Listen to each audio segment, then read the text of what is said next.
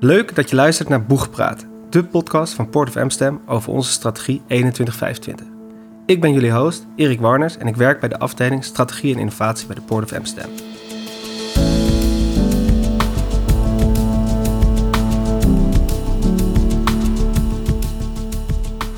In deze podcast neem ik je mee in een nieuwe strategie van de Port of Amsterdam. In de strategie spreken we uit dat we een sterke Europese zeehaven willen zijn, die voorop loopt in de transitie naar een duurzame samenleving. Maar hoe gaan we dit waarmaken en wat betekent dit voor de bedrijven in onze haven? Aan de hand van vijf thema's gaan we samen met de bedrijven uit de haven, partners en mijn eigen collega's op zoek naar een antwoord op deze vragen. Vandaag gaan we het hebben over groene waterstof, de energiedrager waar we in de haven de komende jaren flink op gaan inzetten. We gaan het produceren, opslaan, gebruiken en importeren naar de haven. Hoe we dat doen en wat dit betekent voor onze haven bespreek ik vandaag met mijn gasten. Eduard Visser, hoofdstrategie bij Port of Amsterdam, en Ramon Ernst, managing director bij EVOS. Welkom uh, Ramon en Eduard. Fijn dat jullie er vandaag zijn. Voordat we gaan uh, hebben over waterstof, misschien een korte introductie van jullie beiden. Te beginnen met Ramon. nee, dank je, dank je Erik voor de, voor de uitnodiging. leuk om hier te zijn. ja, mijn naam is Ramon Ernst, ik werk inderdaad bij EVOS. We hebben een grote uh, energieopslagterminal in het, in het havengebied. Gebruiken we momenteel nog veel voor uh, traditionele energieproducten, dus olieproducten. Maar we zijn uh, bezig met de omslag. en dat vind ik heel leuk om daar wat over te vertellen vandaag. Leuk, leuk. En hoe lang zit je al bij Evels? Of hoe lang is Evels al in de haven? Misschien nog een betere ja, vraag. Ja, Evels is al best wel wat langer. Hè? Voorheen waren wij nog onderdeel van Vopak. En twee jaar geleden zelfstandig. Uh, ik ben zelf in 2016 gekomen, dus ook al in de FOPAC-tijd. En, en ben uiteindelijk meegegaan, heel bewust, uh, om het EVOS-avontuur uh, aan te gaan. En ja, dat is, dat is ontzettend leuk. We zijn zelfstandig, we, we zijn agile, zoals dat heet. Nou ja, wat betekent dat nou? wij, wij, ja, we zijn denk ik slagvaardig. Ja. En, en, we zijn een, een, platform aan het bouwen met, met meerdere terminals inmiddels in binnen- en buitenland. Ja, uh, en daar is ook zeker nog het laatste woord ook niet over gezegd. Dus okay. het is mooi ontwikkeling. Heel leuk. Ja, ja, laten we straks ook nog even ja. vanuit dat perspectief kijken naar hoe je naar de haven kijkt. In meerdere havens actief, dus dat is altijd leuk om uh, wat breder naar te kijken. In welke haven zitten jullie allemaal, uh, Ramon? Rotterdam. en, en we zitten in, in Hamburg en in Algeciras in Zuid-Spanje. Ah ja. Eduard, misschien ook een korte intro. Ja, nee, dank je. Uh, nou ja, ik ben Eduard de Visser, dus ik uh, ben verantwoordelijk voor de strategie bij het havenbedrijf en eigenlijk ook onze energietransitieportefeuille. Ik werk al wat langer bij, bij de haven in verschillende functies, maar nu sinds een aantal jaren dus inderdaad voor deze vraagstukken. Ja, en met name met energietransitie heel druk bezig met projecten die raken aan energieinfrastructuur. Dan moet je onder andere denken aan waterstof, maar ook CO2. Uh, hoe gaan we CO2 afvangen en, uh, en opslaan? Hoe gaan we waterstof produceren en naar Amsterdam toe, uh, toe brengen? elektra-infrastructuur. Eigenlijk alle voorzieningen die de transitie naar hernieuwbaar en minder CO2-uitstoot in de haven mogelijk maken. Nou, laten we dan meteen maar de, de inhoud ingaan. je gaf het al kort aan, Eduard, een nieuwe strategie. waterstof een, een belangrijk onderdeel daarin. Kan jij kort aangeven wat, waarom wij inzetten op waterstof? Um, en hoe wij daarmee het verschil willen gaan maken in die energietransitie. Ja, nou eigenlijk de, de belangrijkste reden waarom we inzetten op waterstof is omdat waterstof een, een, een hele belangrijke bouwsteen is voor het realiseren van uh, de energietransitie. En eigenlijk kan je er op twee manieren naar kijken. Uh, enerzijds waterstof als vervanging voor uh, nou, bijvoorbeeld gas. Dus om, om, om, om warmte te maken, dus eigenlijk als, als energiedrager. Maar ook waterstof als vervanger voor ja, eigenlijk uh, chemische processen en chemische producten. En onder andere ook als bouwsteen dus voor alternatieve brandstoffen. En als je op dit moment kijkt naar veel van de fossiele brandstoffen die er in de wereld, maar dus ook in Amsterdam uh, overgeslagen worden. We slaan op dit moment grofweg zo'n 45 miljoen ton aan fossiele brandstoffen over. Benzine, diesel, kerosine, noem maar op. Dat zijn in de kern koolwaterstofverbindingen koolwaterstofverbindingen die uh, nou ja, vanuit ruwe olie gekraakt worden en daar worden dan ja, dit soort producten van gemaakt. Als je dat wil vergroenen, dan kan je dat eigenlijk ook heel goed doen door terug te gaan naar de kern en te zorgen, oké, maar hoe kan ik dan die koolwaterstofverbindingen duurzaam maken? Nou onder andere door te kijken naar groene waterstof en groene koolstof. En eigenlijk in plaats van dat je ze kraakt vanuit ruwe olie, ga je ze eigenlijk ga je het proces omdraaien en plak je ze aan elkaar. En maak je daar dus ja, zogenaamde synthetische brandstoffen van. Nou, op die manier kijken wij dus heel sterk naar een toekomst waarin brandstoffen nog steeds een belangrijk onderdeel blijven van die haven. Maar waarin we dus waterstof eigenlijk als centraal ja, bouwmiddel zien om die toekomst te realiseren. Ramon, jij slaat die spullen op. Althans, uh, voor nu voor een groot deel nog de fossielen. Hoe snel zie jij dit uh, gebeuren? Het, verhaal wat Eduard net schetst?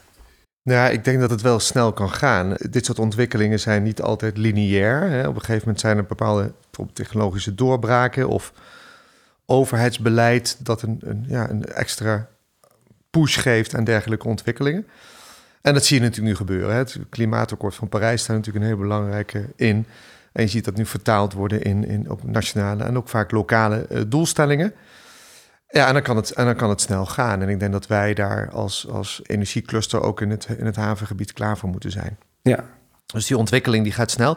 Tegelijkertijd zullen we ook de producten die we vandaag nog opslaan, ook morgen nog nodig hebben. Met name de timing van die transitie wordt heel interessant de komende tijd om te gaan zien. Het zal het, het langzamerhand uitfaseren en het infaseren gaan. En dat zal misschien hier en daar wat horten en stoten gaan. Nou, dat is voor ons een hele interessante uitdaging. In de basis, wat ik al zei, slaan wij energiehoudende producten op. Dat kunnen fossiele brandstoffen zijn, maar dat kunnen ook biobrandstoffen zijn. En dat kunnen inderdaad ook de energiedragers van de toekomst zijn. Um, wij zijn goed in, dat, in, het, in het opslaan en het, en het overslaan van dat soort producten. Maar ook een, laten we zeggen, een operationeel regime omheen te bouwen... om dat op een goede en veilige en duurzame manier te doen. Dus voor ons is de energietransitie een hele interessante ontwikkeling. En ik denk dat we in het havenbedrijf uh, alle bouwstenen wel hebben langzamerhand om daar uh, een hele grote rol in te kunnen gaan spelen. Ja, dus de noodzaak is, is, is duidelijk en, en urgent. Dat is eigenlijk wat jullie, uh, wat jullie beiden zeggen. Ja. En tegelijkertijd word ik in ieder geval Ramon, zeg maar ook in andere woorden, Eduard, klaar voor zijn, betekent ook dat je nog iets gaat doen. Ja. Waar denk je dan aan, Ramon? Wat voor wat voor acties moeten jullie nog gaan doen om er klaar voor te zijn? Nee, op meerdere terreinen. Het begint ook wel met de juiste mindset. Ik wil dat er ook wel benadrukken. Uh, natuurlijk gaat het ook over infrastructuur en alles wat er omheen is en financiële randvoorwaarden. Maar het gaat ook om de juiste mindset. Om op een gegeven moment ook bij wijze van spreken jezelf te willen uh, disrupten, zoals het dan in het, in het Engels heet. Hè? Dus ook kijken naar je eigen businessmodel, kijken ook vooruit. Ook, ook, ook voor langere periodes. Proberen trends te ontwaren en daarop in te spelen. En zoals Eduard dat mooi schetste, is, ja, denken wij dat er een belangrijke rol voor waterstof is. En naast elektriciteit heb je pure waterstof, een aantal verbindingen, maar ook een aantal afgeleide producten van waterstof. Het zal een heel belangrijk onderdeel zijn. Ik denk dat iedereen het er wel over eens is. Ja, en dan moet je uiteindelijk je organisatie ook omvormen of klaarmaken voor die toekomst. En dat begint inderdaad met mindset. En vervolgens begint het met het, ja, het, het formuleren van een aantal van een visie met, met bijbehorende ideeën. En het vervolgens realiseren van partnerships om die stappen te gaan zetten. Ja, en, en hoe gaat dat? Hoe staat het met de mindset? Ja, ik denk dat dat goed is. Ik denk dat het voordeel ook is. Ik denk gesteund ook door, door, door het havenbedrijf met eh, ook de lange termijn strategische visie die er ligt. Die ook duidelijk, denk ik, stippen op de horizon zet. Maar ook richting geeft daarmee aan, aan alle spelers in het havengebied. En dat een hele belangrijke randvoorwaarde is. Maar je ziet ook zelf de bedrijven in het havengebied. Hè. Ik ben zelf ook al een aantal jaar voorzitter van het uh, energieopslagcluster. Je ziet die partijen echt wel bewegen. Zowel als het gaat over de meer lokale productie, en, uh, maar ook circulaire activiteiten. Als mede ook van ja, hoe kan je het ook op een grotere internationale schaal gaan, gaan aanpakken. Daar gaan we misschien zo meteen nog wel even ja, over, over spreken. Dus nee, dus, dus het begint met denk ik, het, een, een juiste mindset te hebben, ondernemend zijn, een visie opstellen, partners verzamelen. Ja, en dan kijken wat voor echte concrete, laten we zeggen, hardware Ja. je dan nodig hebt Ja. om dat te gaan doen. En, en daar ontstaan ook hele mooie kruisbestuivingen. Ja. Ja. ik vind het wel mooi wat Ramon zegt, want inderdaad die, die mindset. Kijk, ook bij zo'n onderwerp als waterstof, er is bij wijze van spreken niks makkelijkers om eerst eens rustig achterover te gaan zitten en te kijken hoe ontwikkelt die markt zich. En te wachten totdat, nou ik zou bijna zeggen, er, er de helft van alle auto's in eh, Nederland op, op waterstof rijden en er dan eens rustig in te springen. Maar ja, dat is denk ik niet de stijl die bij ons past. En dan, en dan weet je in zekere zin ook eh, zeker dat je eh, daar nooit een, een, een sterke positie in zal, zal krijgen. Dus het, het volgzame daarin, dat past denk ik niet bij ons. Dat past ook niet bij de bedrijven die in Amsterdam actief zijn. Ja, dus het, het, het vraagt ook een bepaalde durf en een bepaald lef van ja, oké, we zien dit gebeuren. We denken dat hier grote kansen zijn. We willen ook eigenlijk hier wel op inspringen. Laten we het, laten we het gewoon gaan proberen. Ja. En, uh, en dan niet ja, alleen een studietje eens een keertje doen, maar ook gewoon echt concreet stappen zetten. Gewoon uh, doen. Gewoon doen. Ja. En uh, ja, in zekere zin ook bewust het risico een beetje opzoeken. Ja. En, dat, en dat gebeurt op dit moment steeds meer. Ja. En daar ben ik ongelooflijk blij mee. En Ramon, jij zit in meerdere havens, eh, ook in Amsterdam, maar eh, daarbuiten. Hoe verhouden wij ons tot de anderen? Wij willen graag die stap extra maken. Zie jij dat ook zo? Ja, dat zie ik wel. Het, voordeel van Amsterdam is dat het um, laten zeggen, groot genoeg is om echt kritische massa te hebben om iets in beweging te zetten. Maar ook nog overzichtelijk genoeg om snel te kunnen schakelen met allerlei partijen in het havengebied en, en ook met het havenbedrijf zelf. Dus ik denk dat dat een groot voordeel is. Hè? Dat Daarnaast um, denk ik ook de, een, een, aantal aspecten die denk ik ook wel, wel positief zijn, is het feit dat we bijvoorbeeld een, een, een, Tata, wat ook wel een katalysator gaat zijn voor een aantal ontwikkelingen aan de ene kant, maar aan de andere kant ook richting de stad. Een stad die ook een duidelijke visie heeft uitgesproken. Dus het, um, um, vanuit alle kanten komen er wat dingen bij elkaar. En ik denk dat we, wat ik al zei, voldoende grootte hebben om een stap te kunnen, uh, kunnen maken. Ja. Maar dat wil niet zeggen dat we ons ook alleen op Amsterdam moeten focussen. Nee, is dat nee. want vaak dit soort ketens die gaan ontstaan, zullen internationale ketens zijn. Het komt ergens vandaan. We, hè, we denk dat we ook een, een bijdrage willen, willen uh, leveren aan alles wat we ook als Nederland willen doen daarin. Maar laten we, laten we onszelf niet kleiner voordoen dan we zijn. Als Amsterdam hebben we een hele belangrijke rol hier, hierin te spelen. Ja, dus kort gezegd, de neuzen staan eh, dezelfde kant op. Zowel bij de bedrijven als bij de haven, als, als bij belangrijke spelers, als de gemeente. Uh, de gemeente Amsterdam in dit geval. Uh, maar we, we, willen het gaan doen. En, en volgens mij zijn we ook al dingen aan het doen. Uh, er is een project wat samen is gestart, AIDS to Gate. Ramon, kan jij kort uitleggen aan, aan ons wat we in dat project doen en wat we daarmee willen bereiken? Ja, ik denk een van, van de voorbeelden die we nu zien van alles wat we net besproken hebben, is dat we met Eduard samen eigenlijk al vrij vroeg stadium hebben gerealiseerd van oké, er gebeurt heel veel in het havengebied. Wat hebben we nog allemaal nodig in, om zo'n waterstofcluster op te bouwen? Nou, lokaal geproduceerde groene elektriciteit wordt omgezet in waterstof. Nou, dat moet je uiteindelijk ook beschikbaar maken in het havengebied. Daar lopen allerlei trajecten voor. Maar wat nog ontbrak was, ja, red je het daar nou mee? Hè? Ehm, kunnen we zelfvoorzienend zijn als het gaat over groene elektriciteit en het deel daarvan omzetten naar groene waterstof. En dekt dat de vraag de komende tientallen jaren. Nou, de conclusie die wij trokken is dat dat zou wel eens onvoldoende kunnen zijn. Dus je bent ook aangewezen op import.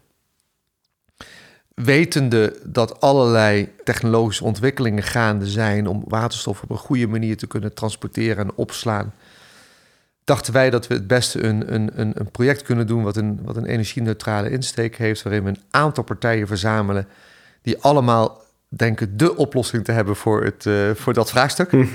en die bij elkaar te vormen en te zetten in één, in één consortium, uh, zo je wil. Om eens na te denken, ondernemend, zoals, zoals ook Eduard zei, durvend te kijken naar de toekomst. En met een hele duidelijke ambitie om eens ja, te bepalen met elkaar, wat heb je dan nodig om ook dat puzzelstukje in te vullen, namelijk grootschalige import van waterstof via dit, uh, dit gebied. Ja. Ik denk dat het al wat daar, wat daar bij ons denk ik ook meespeelt. En het, in zekere zin, we hebben natuurlijk kort geleden hier in Amsterdam de discussie gehad ook over het plaatsen van extra windmolens. En om dat even een beetje in perspectief te, uh, te zetten. je ziet dus dat er is veel uh, energie nodig. En tegelijkertijd zien we natuurlijk ook steeds meer spanning. Ja, waar willen we die energie voor gebruiken? En het, het maken van waterstof vraagt uiteindelijk ook groene stroom. Daar hebben we uh, gelukkig met de Noordzee relatief veel van. Maar om ook aan alle waterstofvraag te gaan voldoen, ja, heb je heel veel groene stroom nodig. En ik denk dat uh, dat bij ons ook eventjes de, de vraag is: willen we alle groene stroom die we uh, op de Noordzee kunnen produceren, willen we die ook beschikbaar ja, maken voor de productie van waterstof? En ik denk in alle eerlijkheid dat het antwoord daar nee op moet zijn. En waarom is dat, dat, dat Ja, antwoord ja, nee? ik- denk dat ook het. Je, je- moet niet onderschatten, en dat, dat probeer ik te illustreren met wat er eh, in de discussie net in, in Amsterdam met die, eh, die windmolens heeft plaatsgevonden. Dat het maatschappelijk draagvlak eh, op een gegeven moment ook kritisch zal zijn naar de hoeveelheid groene stroom die we hier lokaal produceren en die vervolgens gebruikt gaat worden om daar waterstof mee eh, te produceren. Dus dat, daar, daar moet je je van bewust zijn. En eh, eh, hoe kan je dan op een andere manier wel degelijk aan die vraag naar groene waterstof voorzien? Ja, dat betekent dat je niet alles lokaal gaat produceren, maar je zal dat dus ook willen gaan importeren. Nou, waar kan dat goed? Op plekken waar relatief veel ruimte is en relatief ook veel zon. En dan kom je dus op, op plekken als Noord-Afrika terecht. En daar wordt op dit moment naar gekeken. Noord-Afrika, het Midden-Oosten. Ook op andere plekken in de wereld heb je dit soort eh, eh, ja, eh, ja, ruimte- en zonmogelijkheden. Australië, Chili is ook zo'n plek. En dat past op zich ook wel bij ons, want we zijn gewend in Amsterdam om energie te importeren. Nogmaals, op de terminal van, eh, van Evels, en zo zijn er nog een aantal terminals in Amsterdam, wordt al heel veel olie geïmporteerd. Dus we hebben ervaring met het importeren van brandstoffen. Nou, laten we dat zo meteen ook doen. Diezelfde kennis, die infrastructuur, eh, eh, die netwerken benutten om ook groene energie te gaan importeren eh, uit andere delen van de wereld. Daarom is dat voor ons van, van belang.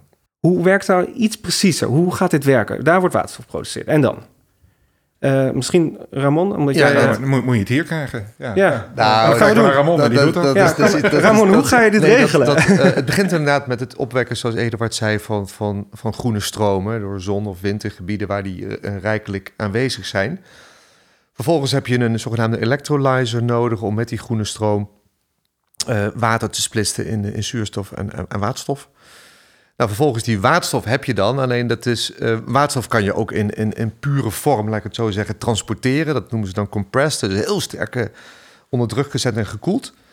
Dat is kostbaar. Dus voor relatief korte afstanden is dat te doen. Maar voor langere afstanden is dat, eh, is dat niet zo economisch. eh, Ja, want het kost energie om, om, om te koelen en onder Ja, druk te zetten. Ja, exact. Het kost, ja, het kost ontzettend veel energie. Dus waar heel veel onderzoek naar gedaan wordt, is hoe, hoe kan je dat waterstof inpakken in een, in, een, in, een, in een product, in een vorm, waardoor het makkelijker te transporteren is en ook makkelijker is, is op te slaan. En nou, dat, wij kijken in dit project naar verschillende vormen eh, waarin, je, waarin je dat zou kunnen, zou kunnen doen. Het interessante daarbij is dat die, die dragers die dan ontstaan, heel vaak vrij traditionele producten zijn die je met, met eh, zeggen, reguliere schepen kan, kan verplaatsen, maar ook in normale opslagfaciliteiten kunt, eh, kunt opslaan. Ja. En dat is het interessante. Dus nou, vervolgens moet je dan, eh, als dat product dus waterstof gekoppeld aan een drager, hè, dat zijn dan zo, eh, LOHC, hè, liquid organic hydrogen carriers, maar het kan ook zijn in de vorm van ammoniak. Het kan ook zijn in meer een, een vaste vorm. Dus er zijn verschillende mogelijkheden daartoe. Nou, een aantal daarvan die be- hebben we ook betrokken in ons project. Uiteindelijk komt het dan aan eh, in het eh, havengebied in Amsterdam. Je moet het dan weer opslaan eh, tijdelijk, hè, die drager in de, in de, juiste faciliteiten daarvoor. En dan vervolgens moet je het ook weer uitpakken. Je moet die waterstof er weer uithalen. Nou, ook dat is een, een, een proces. Nou, dan heb je de waterstof beschikbaar. Nou, het interessante daarbij is dat wij zowel kijken naar hoe kan je die waterstof ook grootschalig uitpakken en bijvoorbeeld eh, toevoegen aan de, aan de gasgrid. Mhm. Um, maar ook uh, wat kleinschaligere toepassingen, bijvoorbeeld als het gaat over mobiliteit. Dus je hebt verschillende manieren om dat uiteindelijk uh, te gaan doen. Ja, het klinkt alsof we al best wel goed weten hoe het kan. Maar tegelijkertijd hebben we een, een project gestart. En welke vraag willen wij hoofdzakelijk beantwoorden in dit project? Ja, ik denk dat het, het, het, het grote voordeel van eh, eh, de manier die Ramon net schetst, is dat het product wat je transporteert eigenschappen met zich meebrengt qua logistiek, qua veiligheid, qua opslag, die heel erg vergelijkbaar zijn met wat we nu doen. Ja. Namelijk eh, eh, wat we kennen vanuit de, de, de, de opslag en het transport van benzine, van diesel, van kerosine. En dat maakt dat er relatief weinig aanpassingen voor nodig zijn om waterstof dan te transporteren. Alleen ze zijn groen, ze zijn opgewekt met duurzame energie. Precies. Uh, maar heel veel vergelijkenissen met de supply Ja. chain die er al Ja. bestaat. Klopt, klopt. En dat maakt het interessant. En wat, wat, wat, wat Eduard ook zegt, zelfs op ammoniak kijken we dan ook wel op andere plekken, ook als evels naar. uiteindelijk is er voor alles wel een toepassing. En zullen er denk ik ook wel verschillende oplossingen naast elkaar gaan bestaan. Ik denk dat ook ja. iets is wat we nu al in het project wel leren. Dat elke technologie heeft ook wel zijn kracht voor bepaalde toepassingen. En dat heeft met de karakteristieken van de drager te maken. Het heeft ook met de, ehm, nou kan je dat, zitten er heel veel schaalvoordelen in om dat bijvoorbeeld centraal uit te pakken of wat meer decentraal mm te doen. Dus, um, maar het gaat ook inderdaad over de, de aspecten zoals inderdaad um, de karakteristieken van het product. En wil je dat bijvoorbeeld zoals een ammoniak, zou je misschien iets meer over, op remote, hè, dus locations uh, willen binnen laten komen. Nou, er zijn ook in Nederland overigens wel uh, initiatieven voor om daarnaar te kijken.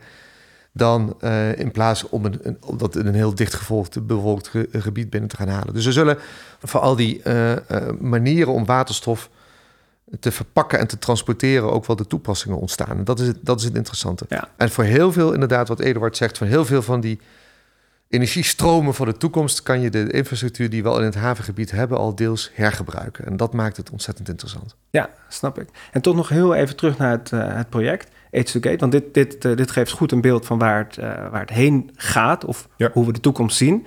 Maar waar staan we nu? Wat, wat moeten wij nog beantwoorden of welk stapje moeten we zetten om iets dichter bij die toekomst te komen? Nou ja, even kijken. Wat we uh, de afgelopen periode hebben gedaan, is eigenlijk de vraag beantwoord: is, is wat we bedacht hebben, is dat, ja, is dat haalbaar? En met haalbaar hebben we dus met name gekeken de verschillende technologieën die er uh, beschikbaar zijn, maar ook de logistiek. En beantwoorden we daarmee aan een vraag bij uh, ja, uiteindelijk eindgebruikers, zowel in Amsterdam als ook breder in Europa. En daar hebben we eigenlijk op al die vragen een, een, een bevestigend antwoord gekregen. Ik denk wat nog een, een, een grote uitdaging is, is dat het een, een, een, een kostbaar proces is om uh, te realiseren. En uh, het is ook nog een, een, logistieke keten die nog in de kinderschoenen staat. Ja. En dat zijn denk ik nu de volgende stappen om te werken. Eigenlijk om, dat is denk ik ook de stap waar we naartoe willen gaan, om nou, wat we nu op papier bedacht hebben, om dat naar de realiteit te gaan brengen. Door middel van een demonstratie. Ja. Dus door te laten zien dat dit dus ook in de praktijk kan gaan werken. Dus we gaan het bouwen. We gaan het bouwen. En dat zullen we de komende periode gaan uitwerken met, nou ja, met, met EVOS, met ook de partijen waar we nu mee samenwerken. Electric, HiC Labs, Hydrogenius. Uh, bedrijven uit uh, respectievelijk Frankrijk, uh, Israël en Duitsland. Om, daar, om, dit te, om dit in de praktijk te gaan brengen. Dat zal in eerste instantie een, een wat kleinschaligere opstelling zijn. Maar om daarmee langzaam maar zeker die opschaling te bewerkstelligen. En parallel zijn we nu ook aan het kijken met het buitenland. Ja. Ja, om, om daar de, de, de productie op gang te brengen. Nog even voor mijn beeld. Wat gaan we bouwen in de haven? Nou, we gaan dus enerzijds een, een, een, een voorziening bouwen waarmee we waterstof in deze verpakte vorm kunnen ontvangen. Ja. Uh, dat zal bij de terminal een ontvangststation zijn. En een, uh, een, een, noem het een, een mini-fabriekje wat in staat is om die verpakte waterstof, nogmaals, dat is een waterstofmolecuul ge, ja, gekoppeld aan een, aan een uh, aan een dragermolecuul. Dat kan een koolstofmolecuul zijn of een ander molecuul. Mm -hmm. om dat weer uit elkaar te, uit te pakken. Dus een uitpakfabriekje. Ja, kan je okay. het uh, zien. Dat gaan we de komende periode ontwikkelen. Helder. En dan bij Evels, dat kan natuurlijk uh, op meerdere plekken, maar jullie zijn projectpartner. Uh, ontvangstterminal, wat houdt dat in bij jullie? Nou, dat had eigenlijk vergelijkbaar wat we natuurlijk nu doen. Hè. Dat betekent dat we nautische infrastructuur nodig hebben mm -hmm. om natuurlijk schepen te kunnen ontvangen met grote hoeveelheden inderdaad dragers waar dan de waterstof aan gekoppeld is. Nou, vervolgens moeten die producten uh, van die schepen in, in, in, in opslagtanks uh, als het gaat over vloeibare producten, maar dat kunnen ook gaan in andere soorten voorzieningen als het gaat over de droge uh, vormen van, van energiedragers. Dus daar kijken we in het havengebied van wat zijn daar de, de, de juiste plekken voor. Ja. Um, en vervolgens moeten we ook vanuit ons natuurlijk een koppeling maken naar, dat, naar die fabriek die Eduard zoals net noemde. Om die dragers ook op het juiste moment te vervoeren naar die fabriek, zodat ze daar uitgepakt kunnen worden, dat de waterstof ook vrijkomt. Maar het is niet alleen die stroom, wat we ook verwachten, en dat is ook analoog aan de functie van de, van de haven nu al, is dat er ook allerlei handelstromen gaan ontstaan met dragers. Zowel in dragers in de vorm waar nog waterstof aan zit, maar ook dragers waar de waterstof inmiddels al uitgehaald is. Daar zullen allerlei interessante stromen, handelstromen gaan ontstaan. Enerzijds terug naar de oorsprong weer om het weer opnieuw te laden met waterstof. Maar we kunnen ons ook voorstellen dat er ook geladen en ontladen dragers ook als handelstromen door Noordwest-Europa gaan. Zoals dat nu eigenlijk ook is met energieproducten. Ja. Dus de, het doorkijkje wat we maken houdt daar ook rekening mee. Om te zorgen dat we voldoende capaciteit hebben om niet alleen de invoer, letterlijke invoerstroom te accommoderen, maar ook allerlei um, zeggen, secundaire handelstromen die in de toekomst gaan ontstaan.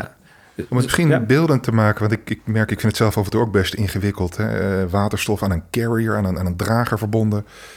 Als we het bijvoorbeeld hebben over eh, waterstof in, in- verbonden aan een, aan een vaste drager, dan moet je je bij wijze van spreken een beeld voorstellen van de blokjes die je in je afwasmachine gooit. Dus inderdaad van die kleine eh, eh, capsules, pastilles of hoe je het ook noemt, met zo'n laagje plastic eromheen. Ja. Dan moet je je voorstellen, dat is dan een brokje energie. Ja. En door dat op te lossen in water, kan dan de waterstof vrijkomen. Nou, dat is wat er feitelijk gebeurt. Dus eh, in het ene land wordt op basis van zon wordt dus waterstof gemaakt. En in dat brokje, nou ja, eh, eh, wasmiddel als het ware gestopt in, de- in zo'n pastille. Ja. En dat kan je dan relatief eenvoudig transporteren. En dan wordt het hier in Amsterdam, wordt dat afwasblokje, om even in die metafoor te blijven, wordt dan hier weer uitgepakt. En dan komt de waterstof erbij vrij. En dat kan dan als energiebron nou ja, in het gasnet gestopt worden. Ja. Dus dat is wat, er, wat, wat, wat, wat je probeert te doen. Maar dan, dan vaart er nog geen schip. Wat voor stappen hebben we nodig om dat eerste schip te laten varen? Nou, dat is, eh, een goede vraag. Kijk, ik denk dat dat gebeurt op dit moment parallel. Eh, zitten we eigenlijk niet meer in, in dit project, maar zitten we inderdaad te kijken hoe kan je ervoor zorgen dat in de luchtvaart, in de scheepvaart, in de chemie, in de staalindustrie, dat waterstof daar gebruikt gaat worden als vervanging van traditionele eh, fossiele grondstoffen. En daar gebeurt op dit moment heel veel. Misschien eventjes een eh, voorbeeld ten aanzien van de luchtvaart. Eh, zoals je wellicht weet, we hebben de afgelopen paar jaar heel intensief gewerkt met onder andere Schiphol en KLM. En eh, ook een bedrijf Sky Energy. Die bouwt op dit moment in Groningen aan een zogenaamde biokerosinefabriek. Nou, in Amsterdam gaan we nu bouwen aan een synthetische kerosinefabriek. Dat is de volgende generatie. En dat is dus niet op basis van bioafval of biogrondstoffen, maar waterstof. Dus waterstof en CO2. En daar maken we dan synthetische kerosine van. Dat is de eerste potentiële opsteker. Een voorbeeld, maar er komen er waarschijnlijk veel meer. Maar dat, dat zijn Juist. de gebruikers. Precies, precies. Oké, Dus de fabriek die we zo meteen gaan bouwen, eh, heeft een omvang van 50.000 eh, eh, ton aan synthetische kerosine. Ja. Om dat in perspectief te plaatsen. Op Schiphol gaan op dit moment op jaarbasis wordt er ongeveer zo'n 4 miljoen ton aan Ah, kerosine Ja. Doorheen gezet. Dus het is nog een relatief kleine hoeveelheid. ja. Dus, maar Ergens beginnen je natuurlijk. moet ergens Dus, eh, beginnen, maar als je inderdaad gaat zeggen... we willen op termijn die 4 miljoen ton volledig eh, vergroenen... Ja, Ja. dan heb je heel veel waterstof ook weer nodig. Ja. En nou, dan kom je eigenlijk weer in herhaling van wat we net zeiden. Eh, willen we dat allemaal hier lokaal gaan produceren? Daar hebben we denk ik inderdaad de stroom niet, eh, eh, niet voor. En eh, dat moeten we misschien ook niet willen. Dat kan op andere plekken eh voordeliger. Nou, nogmaals, we hebben de kennis, we hebben de infrastructuur... we hebben de netwerken om dat via de haven met schepen binnen te halen... En daarom zijn we dat nu aan het doen. Dus we gaan iets bouwen, daar kunnen we het vrijmaken, de waterstof. Juist. We zien dat er activiteiten komen die het gaan gebruiken. Eerste activiteiten begint klein, 50.000, wordt groter. Ja. We zien ook dat er ruimte is en dat er zon en wind is op plekken in het Midden-Oosten, Noord-Afrika. En wanneer gaan deze dingen, denken jullie, hè, want het is allemaal een beetje in de toekomst kijken, met elkaar verbonden worden, zodat dat schip gaat varen? Over tien jaar eh, heb je hier de eerste schepen met eh, eh, waterstoftransport. En dan, dan bedoel je grootschalig? Ja. Oké, oké. Ra- Ramon, eens? Ja, daar ben ik het mee eens. Daar ben ik het mee eens. Ik denk dat je dat je in die tussenliggende periode al de opschaling gaat zien. En Ja. ik denk dat een aantal, dat zien we nu ook in het project, dat we echt wel een aantal toepassingsgebieden zien die heel interessant zijn. En bijvoorbeeld de luchtvaart is daar één Ja. van. Nou, de vol, in de volgende fases van het project zullen we daar natuurlijk aan vastknopen. En dan eh, ja, bouwt zich dat op. Ehm, en ik denk dat we natuurlijk wel afhankelijk zijn van hoe snel die internationale ketens en die aanvoer van dat soort eh, waterstof en dat soort vormen gaan ontstaan. Hè? Ja. Dat, dat kunnen we niet alleen. Ehm, maar wat, je, wat de verwachting is wel, is dat we, en willen we ook, eh, willen we ook vergroenen, dan zullen we, dan zal waterstof al een heel belangrijk onderdeel van de mix zijn in 2030. Ja. En eh, daar moeten we klaar voor zijn. Dus eh, technisch kan het al, kan het al vandaag. Ik denk dat er nog wel wat moet gebeuren om alle eindjes aan elkaar te knopen. Ja? Er moet ook nog wat gebeuren om te doen van hoe beprijs je dat nou uiteindelijk, hè, die groene waterstof. Dat wordt ook nog wel interessanter uiteindelijk. Hè. Ehm, ik denk dat het fair is om te zeggen dat op dit moment het nog niet zo economisch uh, rendabel is als het, uh, als bij wijze van spreken, grijze waterstof, waar we natuurlijk wel vanaf willen. Dus daar moet ook nog iets gaan ontstaan. Hè. Dat moet nog incentives nodig om dat groene naar voren te brengen? Ja, maar je ziet bij veel bedrijven, en dat vind ik het interessante. Het, het, uiteindelijk gaat het erom natuurlijk ook wat, wat het je waard is. En, en, en veel bedrijven zullen uiteindelijk ook om hun businessmodel overeind te houden, ook de overstap moeten maken. En dat zie je bijvoorbeeld, denk ik, ook in de luchtvaart. Is dat uiteindelijk zal dat afgedwongen gaan worden. En is het dus moet je het ook niet te veel vergelijken met wat het kost vandaag of wat het kost om het op fossiele basis eh, beschikbaar te maken. Maar het gaat natuurlijk uiteindelijk om van wat het je waard is uiteindelijk om die kant op te gaan. Ja, en daar zie je al een verschuiving bij klanten dat die bereid zijn om meer te gaan betalen tuurlijk, voor tuurlijk. iets 100% duurzaams. Ja, absoluut. Maar er moet nog wel een beetje vuur in komen. Vuur is misschien een verkeerde toepassing maar hier. Maar, dan kan het ook snel gaan. Ja. Ik denk de komende tien jaar worden, uh, zijn daarin worden heel erg bepalend. En ik denk dat wat je nu al ziet is, uh, er worden uh, in Europa worden op dit moment inderdaad bijmengverplichtingen worden steeds scherper uh, gesteld. Dus bijmengverplichtingen voor meer ja. duurzame brandstoffen in de luchtvaart. Dus voor een deel wordt dat dus inderdaad verplicht gesteld. Ja. wat je ziet is inderdaad dat er parallel ook een aanvullende beprijzingen komen op de uitstoot van CO2. Ja. Dus het hele ETS-regime wordt verder aangescherpt. En dat maakt het prijsverschil zo meteen tussen duurzaam en fossiel minder groot. Oftewel, fossiel wordt duurder, onaantrekkelijker en hernieuwbaar wordt daarmee naar verhouding goedkoper. Ja, snap ik. Wat je tegelijkertijd ziet, is dat er heel veel geïnvesteerd wordt op dit moment in uh, uh, de ontwikkeling van de technologieën. Dus de kosten zullen naar beneden gaan. En dat gaat allemaal op dit moment samen. En ja. ik denk wat, wat, wat Ramon terecht zegt. Je merkt dat inderdaad sommige bedrijven zijn daarin afwachtend. Die zullen inderdaad kijken van, nou ja, het zal mijn tijd wel duren. Ik denk dat dat uh, de bedrijven zijn die uiteindelijk inderdaad aan het kortste eind zullen gaan trekken. Ja. En je ziet inderdaad ook een heel stel bedrijven die op dit moment gelukkig zeggen van, ja, wij, wij gaan er niet afwachten. Wij zien welke richting dit opgaat, uit welke hoek de wind waait. En we nemen initiatief. En daar hebben we op dit moment in Amsterdam gelukkig veel bedrijven en veel initiatieven uh, lopen. Of het nu gaat in IJmuiden, uh, of het nu gaat in Amsterdam. productie van waterstof, de ontwikkeling van de infrastructuur. Uh, initiatieven rondom uh, uh, hernieuwbare brandstoffen, luchtvaartbrandstoffen. Ja, daar gebeurt ongelooflijk veel. Ja, het gaat hard. Aan alle kanten zie je de ontwikkeling dezelfde kant op gaan. Net als de mentaliteit eigenlijk, waar we ja. eerder over hebben, zie je ook de activiteiten dezelfde kant op gaan. ik hoor allemaal externe drivers, die zijn eigenlijk heel belangrijk. Dus er moet beleid komen, er moeten partijen ervoor kiezen. we moeten dit samen met zowel klanten als ontwikkelaars oppakken. Um, maar even terug naar, naar hoe we hier met z'n drieën zitten. Wat hebben jullie na dat eerste stukje waar we mee gestart zijn van elkaar straks nodig om deze keten te gaan bouwen? Ja, gewoon, wat, wat hebben we van elkaar nodig? Ja, mij gaat het hartstikke goed op dit ja, nee, moment. Ja, dat kan ook. Maar laat ik het anders formuleren. Zijn er aanvullende wensen Um, uh, nou ja, wat, wat, wat, wat, denk ik, als ik vanuit Evals mag spreken, natuurlijk wel belangrijk is, is dat we gezamenlijk blijven optrekken en dat we ook die, die visie die we, die we hebben, handen en voeten geven. En ook een aantal zaken die we nodig zullen hebben om het uiteindelijk een succes te maken, ook samen realiseren. En dan gaat het bijvoorbeeld over allerlei infrastructuur die natuurlijk nodig is om alle eindjes aan elkaar te knopen, ook in ja. dit gebied. Ja. En, en, het heeft ook te maken met ruimtelijke ordeningsvraagstukken, waar natuurlijk, uh, waar, waar Eduard natuurlijk het havenbedrijf natuurlijk bovenop zit. Maar dat is heel belangrijk om dat gesprek ook aan te gaan met iedereen die daar een, een zegje over te doen heeft. Van hoe gaan we het gebied straks indelen? Ja. En dan echt het hele gebied. Dan gaat het ja. gewoon over de haven als geheel. Misschien ook wel daarbuiten met verbindingen.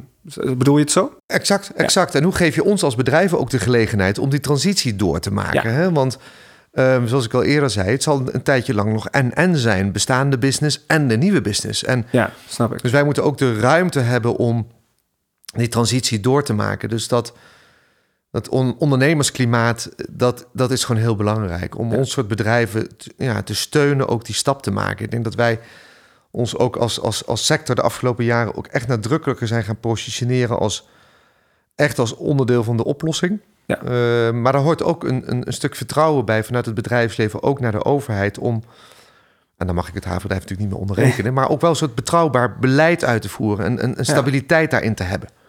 Want niet zo vervelend. partner. Ja, niet zo vervelend om met verrassingen geconfronteerd te worden. Ja, en voor Eduard, dat is natuurlijk het ene perspectief. Het, het bedrijf wat, wat denk ik hele uh, logische verwachting heeft van een, uh, van een havenbedrijf. Maar ik kan me ook voorstellen, kijk, je doet het ook samen.